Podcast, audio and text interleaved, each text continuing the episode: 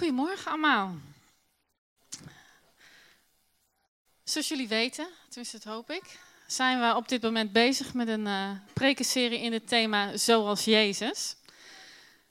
En als je kijkt naar het leven van Jezus, dan zijn zijn wonderen die hij doet, de genezingen die hij doet, wel een van de dingen die het eerste opvallen. Maar ik wil vandaag eigenlijk een ander aspect van zijn leven belichten. Want hij deed die wonderen, maar dat is lang niet alles van wat hij deed. En sterker nog, ik geloof dat die wonderen niet het belangrijkste waren, maar dat het voortkwam, dat die wonderen voortkwamen uit zijn relatie met zijn vader. die wonderen waren niet het doel van de relatie, die wonderen zijn een gevolg van de relatie met zijn vader. Nou, hij leefde in relatie met zijn vader. Steeds weer lezen we dat hij zich terugtrok om te bidden en om zijn vader te praten. Hij deed wat hij de vader zag doen en hij kon niks doen zonder de vader. En daar spreekt volgens mij een voortdurend contact uit. Dus als het thema is zoals Jezus en we willen zijn en we willen leven en we willen doen zoals Jezus, dan kun je niet om gebed heen. Het contact dat Jezus met zijn vader had in de tijd dat hij hier op aarde was, is essentieel. Een essentieel onderdeel van wie hij was en van wat hij deed. Dus daar wil ik vandaag met jullie induiken. En ik denk dat ik voor velen van jullie spreek als ik zeg dat bidden goed is om te doen. En dat het misschien wel hoort bij het normale christelijke leven, voor zover er een normaal is. Maar dat kunnen we weten en dat kunnen we vinden. En toch kan het best zijn dat gebed helemaal niet zo'n grote plek in je leven inneemt. En daar kunnen allerlei redenen voor zijn. Het, het, kan zijn dat je geen tijd hebt om te bidden, of je vindt je tijd te kostbaar om te bidden, want je moet je werk doen en dat slokt al je tijd op en het is druk. Of je hebt een druk gezin en je kinderen vragen al je aandacht. In de tijd dat mijn kinderen echt heel klein waren en ik eigenlijk zo'n beetje al mijn tijd aan de kinderen gaf, als er ergens een moment van rust was, dan kon ik maar één ding doen en dat was slapen. Of je hebt geen tijd of er drukt een deadline van een studie, van een scriptie of een toets of een tentamen op je schouders. Een andere reden kan zijn waarom gebed niet zo'n plek heeft in je leven, is omdat je niet zoveel verwacht van gebed. Er verandert toch niks, dus waarom zou ik het doen? Wat heeft het voor zin? Of misschien ben je teleurgesteld omdat God je gebeden beantwoord heeft op een andere manier dan je had gedacht. Of misschien weet je gewoon niet zo heel goed hoe het moet. Weet je niet zo goed wat je moet zeggen. Het kan nu allemaal redenen zijn waarom gebed niet zo'n hele grote plek in je leven heeft. Maar gebed is een van de belangrijkste manieren om een diepe relatie met de Vader te ontwikkelen.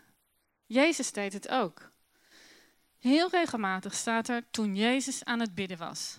En dan lees je soms dat dan de discipelen er weer even tussendoor kwamen met een vraag. Dus hij deed het als hij alleen was. Hij deed het waar de discipelen bij waren. Er staat beschreven dat hij zich terugtrekt om te bidden.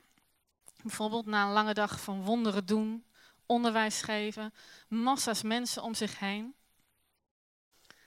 Hij trekt zich terug om te bidden op de vooravond van zijn lijden en zijn sterven, als hij de dood in de ogen kijkt.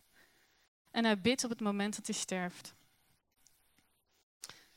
Jezus bad omdat hij een levendige, intieme relatie met de Vader had. Hij kende het hart van zijn Vader.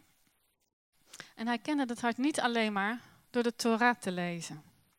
Hij kende het hart van zijn Vader, mede omdat ze vaak in gesprek waren.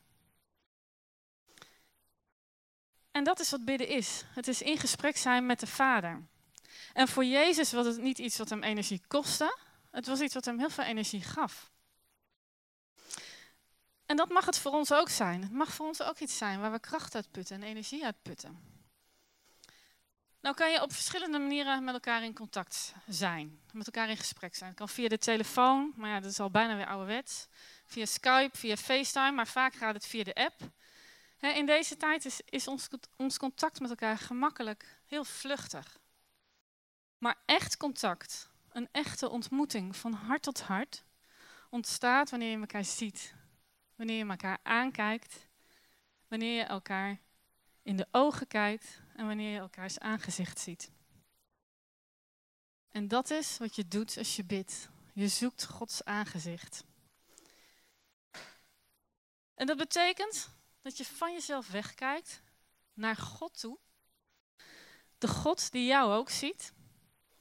En dat je Hem aankijkt. En in Psalm 27, vers 8 staat: Mijn hart zegt u naar, na, zoek mijn nabijheid. God zegt: Zoek mijn nabijheid.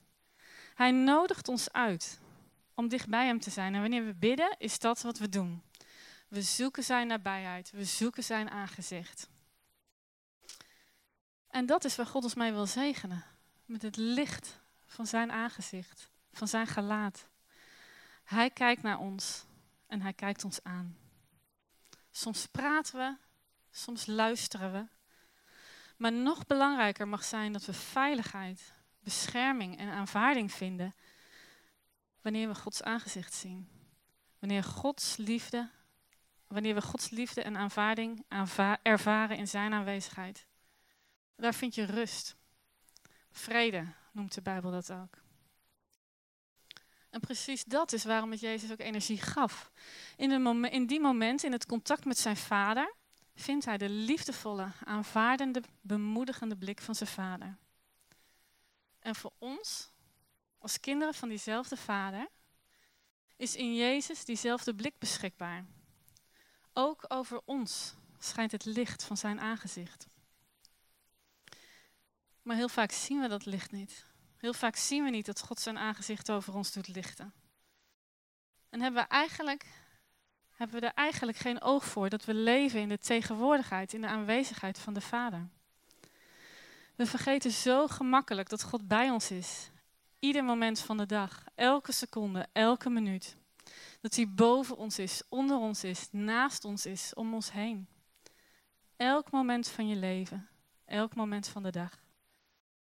En dat is wat Gods tegenwoordigheid is. Hij wil ons ten diepste niet allerlei dingen geven. Hij wil zichzelf aan ons kwijt.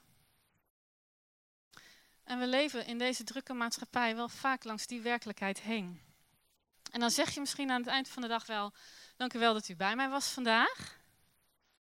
Maar eigenlijk hebben we er de hele nacht niet bij stilgestaan dat hij ieder moment bij ons was.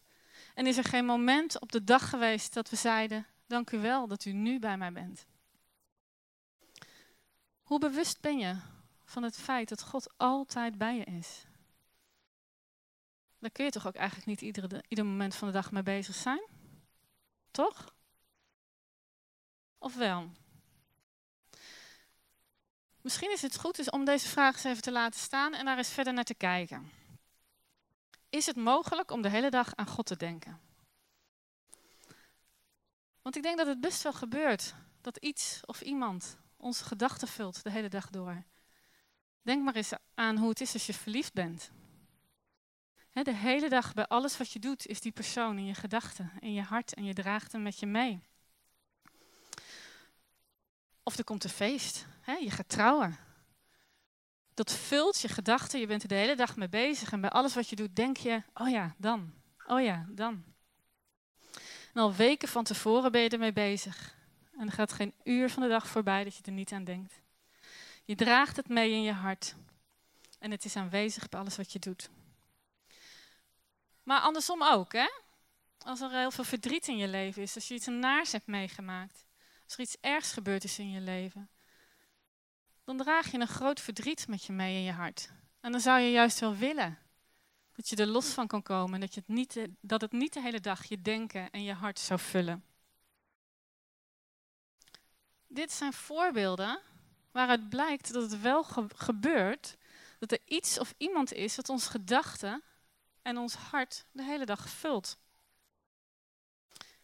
Dus het is te gemakkelijk om te zeggen dat het niet mogelijk is om de hele dag aan God te denken. Maar misschien moeten we die vraag ook wel een beetje op een andere manier stellen, op een dieper niveau. Zou je het willen? Zou je het eigenlijk wel willen? Afgezien van de vraag of het kan, zou je het willen? Dat God zo echt en haast zo overweldigend in je leven aanwezig is, dat je hem niet meer uit je gedachten kunt bannen? Want als je dat wil, als dat verlangen in je hart leeft, als die hartstocht je leven beheerst, dan ga je op zoek naar wegen om dat te bereiken. En vaak wordt er gezegd, waar een wil is, is een weg. Maar ik denk dat dat een uitspraak is die een beetje tekort doet aan de weerbarstigheid van het leven. In de tijd dat mijn kinderen klein waren en ik die spaarzame minuten, half uurtje had om even met God te zijn, vielen na drie woorden in de Bijbel te lezen, vielen mijn ogen dicht en viel ik in slaap. Ik wilde wel, maar het lukte niet. Maar ik geloof wel dat je kan zeggen, als als er een wil is, dan ga je op zoek naar een weg. En als je dat graag wil, als je graag wil dat God je denken en je voelen, je hart vervult, ieder moment van, je van de dag, dan gaan we op zoek naar manieren om dat te bereiken. En we hebben de beste hulp die we kunnen bedenken, die ons daarbij helpt. Gods Heilige Geest. En als je zoekt in vertrouwen, in vertrouwen op God en op de Geest van God, dan mag je verwachten dat je ook vindt. Want Jezus belooft ons, wie zoekt zal vinden. Maar dan is er eigenlijk nog een vraag om te beantwoorden. De eerste vraag is, kan het? De tweede vraag is, wil het? Wil je het? En de derde vraag is, moet het?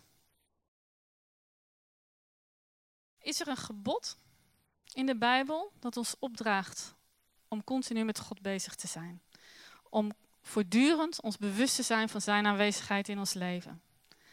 En ik denk dat het antwoord op die vraag is ja. Lees maar eens mee in 1 Thessalonicense 5, vers 17. Bid onophoudelijk. Kort en krachtig. Bid zonder te stoppen, zonder op te houden. Zijn dit woorden die voor een andere uitleg vatbaar zijn? Zou het kunnen zijn dat Paulus bedoelde regelmatig? Bid regelmatig? Het staat er niet, het staat onophoudelijk. Oh, je mag nog even terug. Nou. Regelmatig betekent op gezette tijden, op vaste momenten, bijvoorbeeld een paar keer per dag. Maar zonder ophouden betekent de hele tijd. Dus je kan die woorden zonder ophouden, onophoudelijk, niet zomaar vervangen door regelmatig. En als je de tekst eromheen leest, dan valt de radicaliteit waarmee Paulus je spreekt ook meteen op. Want lees maar eens mee hoe vaak er woorden staan die niets en niemand uitsluiten. Iedereen, niemand, altijd, alles. Zullen we lezen 1 Thessalonicense 5 vanaf vers 12. We sporen u aan, broeders en zusters, iedereen die zijn dagelijkse werk verwaarloost terecht te wijzen, de moedeloze hoop te geven, op te komen voor de zwakker en met iedereen geduld te hebben. Zie erop toe dat niemand kwaad met kwaad vergeldt en streef altijd naar het goede, zowel voor elkaar als voor ieder ander. Wees altijd verheugd, bid onophoudelijk, dank God onder alle omstandigheden, want dat is wat Hij van u, die één bent met Christus, verlangt. Doof de geest niet uit en veracht de profetieën die Hij u ingeeft niet. Onderzoek alles, behoud het goede. Vermijd elk kwaad, in welke vorm het zich ook voordoet.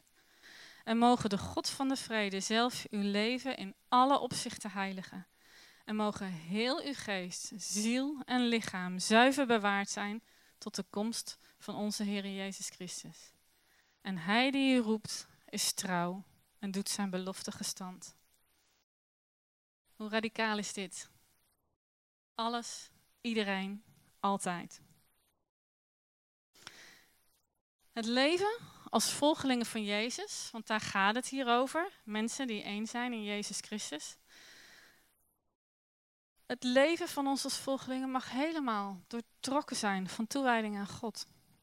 Er is geen enkel plekje in ons leven waar God niks te zoeken heeft. En alles wat je doet en alles wat je bent mag doortrokken zijn van God. En in die context staan de woorden: bid onophoudelijk. God verlangt ernaar dat ons leven doortrokken is van Hem. En dat is wat Hij van ons vraagt. En ja, mijn eerste reactie, en ik weet niet of het misschien voor jullie ook, is ja, dat kan ik helemaal niet. En dat klopt. Dat kunnen wij ook helemaal niet.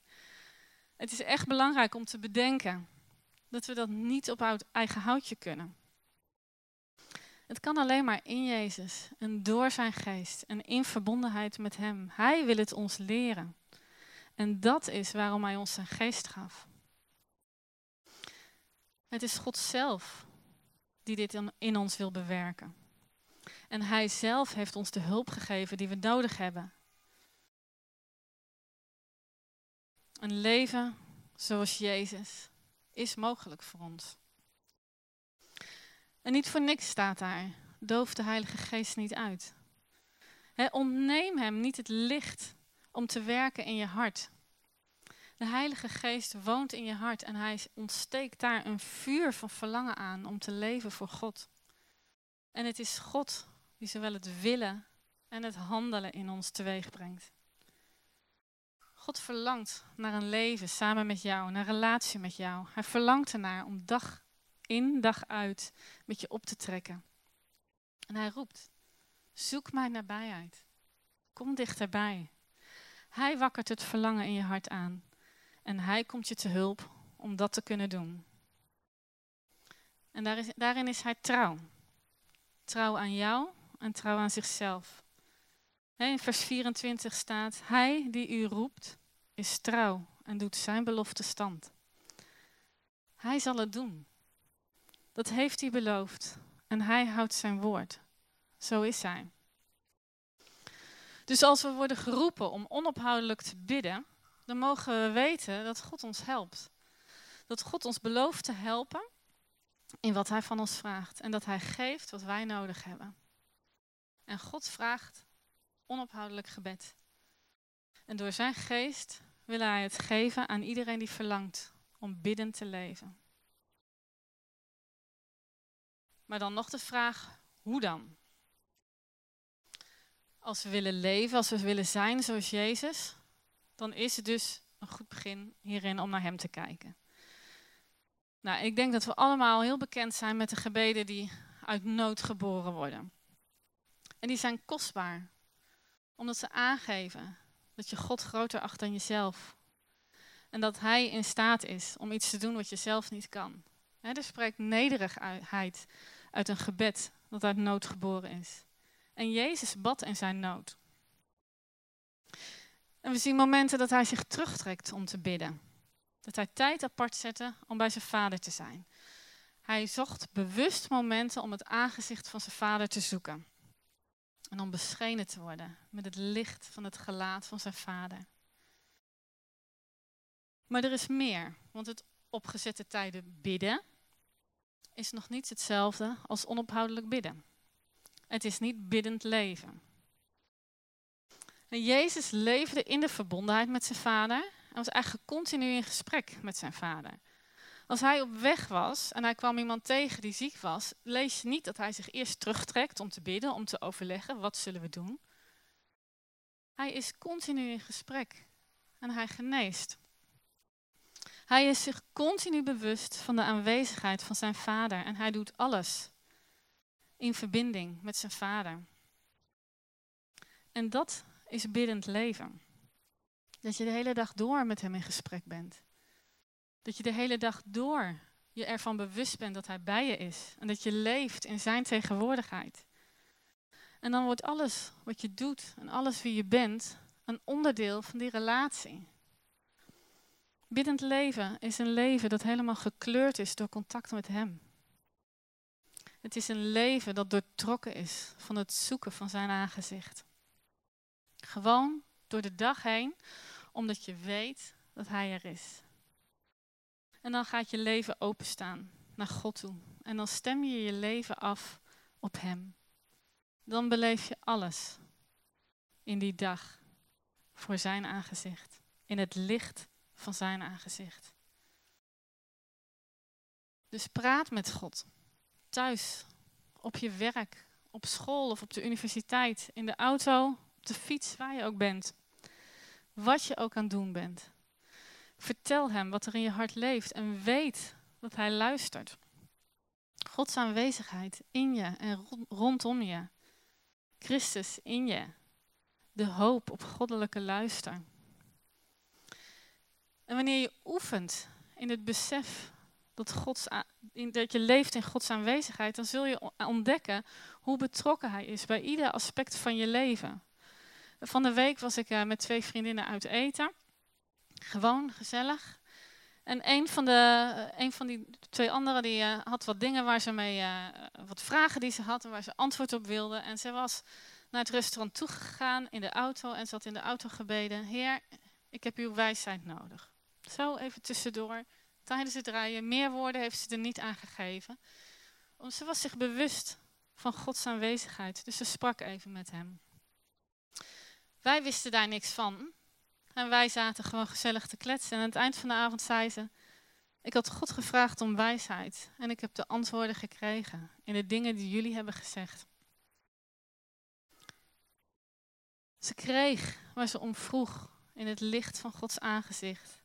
En ze herkende dat het het antwoord was op de vraag die ze God gesteld had. Zomaar tijdens het eten. Gewoon niks bijzonders. Zo gaaf. Dus wanneer je jezelf oefent in het besef dat God bij je is, ieder moment van de dag, dan hoef je in de dingen die je tegenkomt alleen maar even naar Hem te kijken, even je blik op Hem te richten. Om jezelf te herinneren dat je er niet alleen voor staat. Dan kan Hij het licht van zijn aangezicht over je doen schijnen. Dan ontvang je moed, wijsheid, inzicht, uitkomst. Of hulp bij die grote puzzel op je werk. Of inzicht in de stof die je, die je moet leren en die je eigenlijk niet snapt. Of de juiste woorden wanneer je in gesprek bent met een vriend of vriendin, een studiegenoot, een buurvrouw. Maar ik wil het eigenlijk nog concreter maken. Want leren, bidden zonder ophouden, dat gaat niet vanzelf. Dat vraagt echt oefening. Discipline en oefening. En discipline is een uh, lastig woord voor ons. Maar ik wil jullie uitdagen ik wil jullie uitdagen om deze zomerperiode te gebruiken. Om jezelf te trainen, om te oefenen. Om eens te proberen om ieder uur van de dag één keer aan Jezus te denken. Eén keer stil te worden en te beseffen dat God bij je is. Dat je op dat moment leeft voor Gods aangezicht. En het gaat niet omdat je het goed doet, dus als, je, dus als het je niet lukt, of het je lukt je vijf keer op een dag en geen twaalf keer op een dag, geef niet. Oefen maar, probeer maar. Daag jezelf eens uit. Probeer gewoon opnieuw. En op zo'n moment dat je even stilstaat, kun je een gebed uitspreken. Heer, ontferming. Of Heer, dank u dat u bij mij bent. Of alleen maar zijn naam uitspreken, Jezus. Er is geen plek die te, on, die, die, onheilig is om dat te doen. Het kan altijd. Overal. Het kan nu hier in de dienst. Het kan op je werk. Het kan als je in de schoolbanken zit. Het kan op de fiets. Het kan in de auto. Het kan terwijl je met iemand in gesprek bent. Het kan als je wakker ligt s'nachts. En het kan als je ochtends opstaat en de dag begint. Beseffen dat je leeft voor Gods aangezicht. En dat Hij het licht van zijn aangezicht over je doet schijnen. En als ik jullie deze uitdaging meegeef, dan ben ik verwachtingsvol. En dan ben ik heel benieuwd naar wat jullie gaan ontdekken. Want Gods uitnodiging voor jullie vandaag, ook nu in jouw leven, is zoek mijn nabijheid en leef in mijn tegenwoordigheid. Zullen we gaan staan?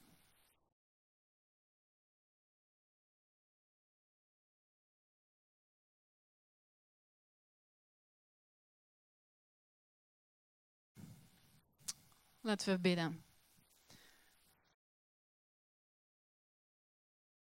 Vader, dank u wel voor wie u bent. Dank u wel dat, u, uh, dat uw naam liefde is. En dat dat de ogen zijn waarmee u naar ons kijkt. Meneer Jezus, dank u wel dat u uh, voor ons die weg heeft vrijgemaakt. Dat we het aangezicht van God over ons kunnen voelen lichten. Dat we ons bewust mogen zijn van Gods aanwezigheid in ons leven bij alles wat we doen. En Heilige Geest, ik bid u, kom ons te hulp. Kom ons te hulp om te ontdekken wat het is. Om ieder moment van de dag in aanwezigheid van God te leven en om voor zijn aangezicht te zijn.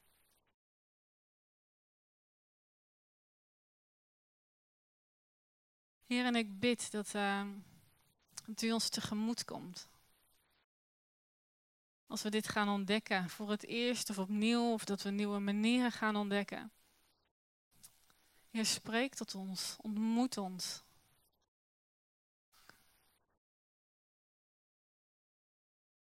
Heer, en wakker het verlangen in ons hart aan om, uh, om dicht bij u te zijn, om met u te leven en het leven met u te delen in alle aspecten van ons leven.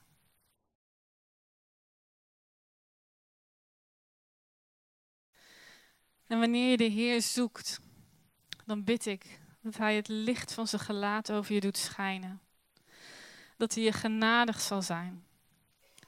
Dat Hij zijn, jou zijn gelaat toewendt. En dat Hij jou zijn vrede geeft.